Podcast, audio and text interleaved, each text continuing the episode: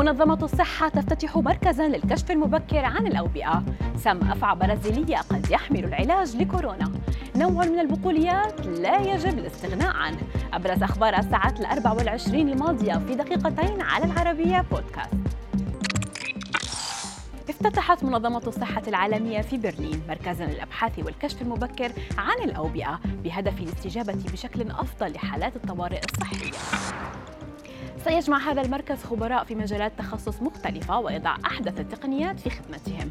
وسيتم أيضا جمع بيانات حول العالم وتخزينها في هذا المركز. فقد كشف وباء كوفيد 19 عن ثغرات كبيرة في قدرة العالم على التنبؤ وكشف وتقييم والاستجابة للأوبئة التي تهدد سكان العالم.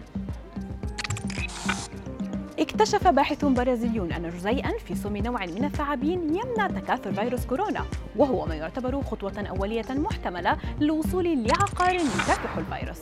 مجلة موليكيولز العلمية نشرت دراسة وجدت أن الجزيء في سم أفعى الجاراكوسو يثبط قدرة الفيروس على التكاثر في خلايا القرود بنسبة 75% الجزيء عبارة عن سلسلة من الأحماض الأمينية يمكنها الاتصال بأنزيم فيروس كورونا وهو أمر حيوي لتكاثر الفيروس دون الإضرار بالخلايا الأخرى.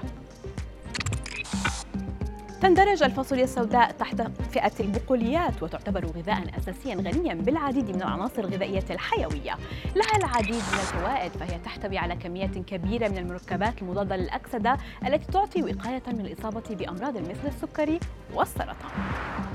وتحتوي الفاصوليا السوداء على ألياف غذائية وتساعد في إنقاص الوزن كما تحتوي الفاصوليا السوداء على كميات جيدة من البروتينات والكربوهيدرات المعقدة التي تساعد على تزويد الجسم بالطاقة.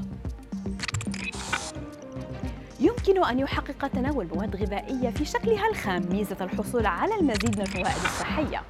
تتألف قائمة الأطعمة التي يوصي الخبراء بتناولها نيئة في المقام الأول من الفواكه والخضروات والمكسرات والبذور. أهمها الشمندر والسبانخ الفجل الطماطم البصل الليمون البروكلي كرفس والفلفل الأحمر.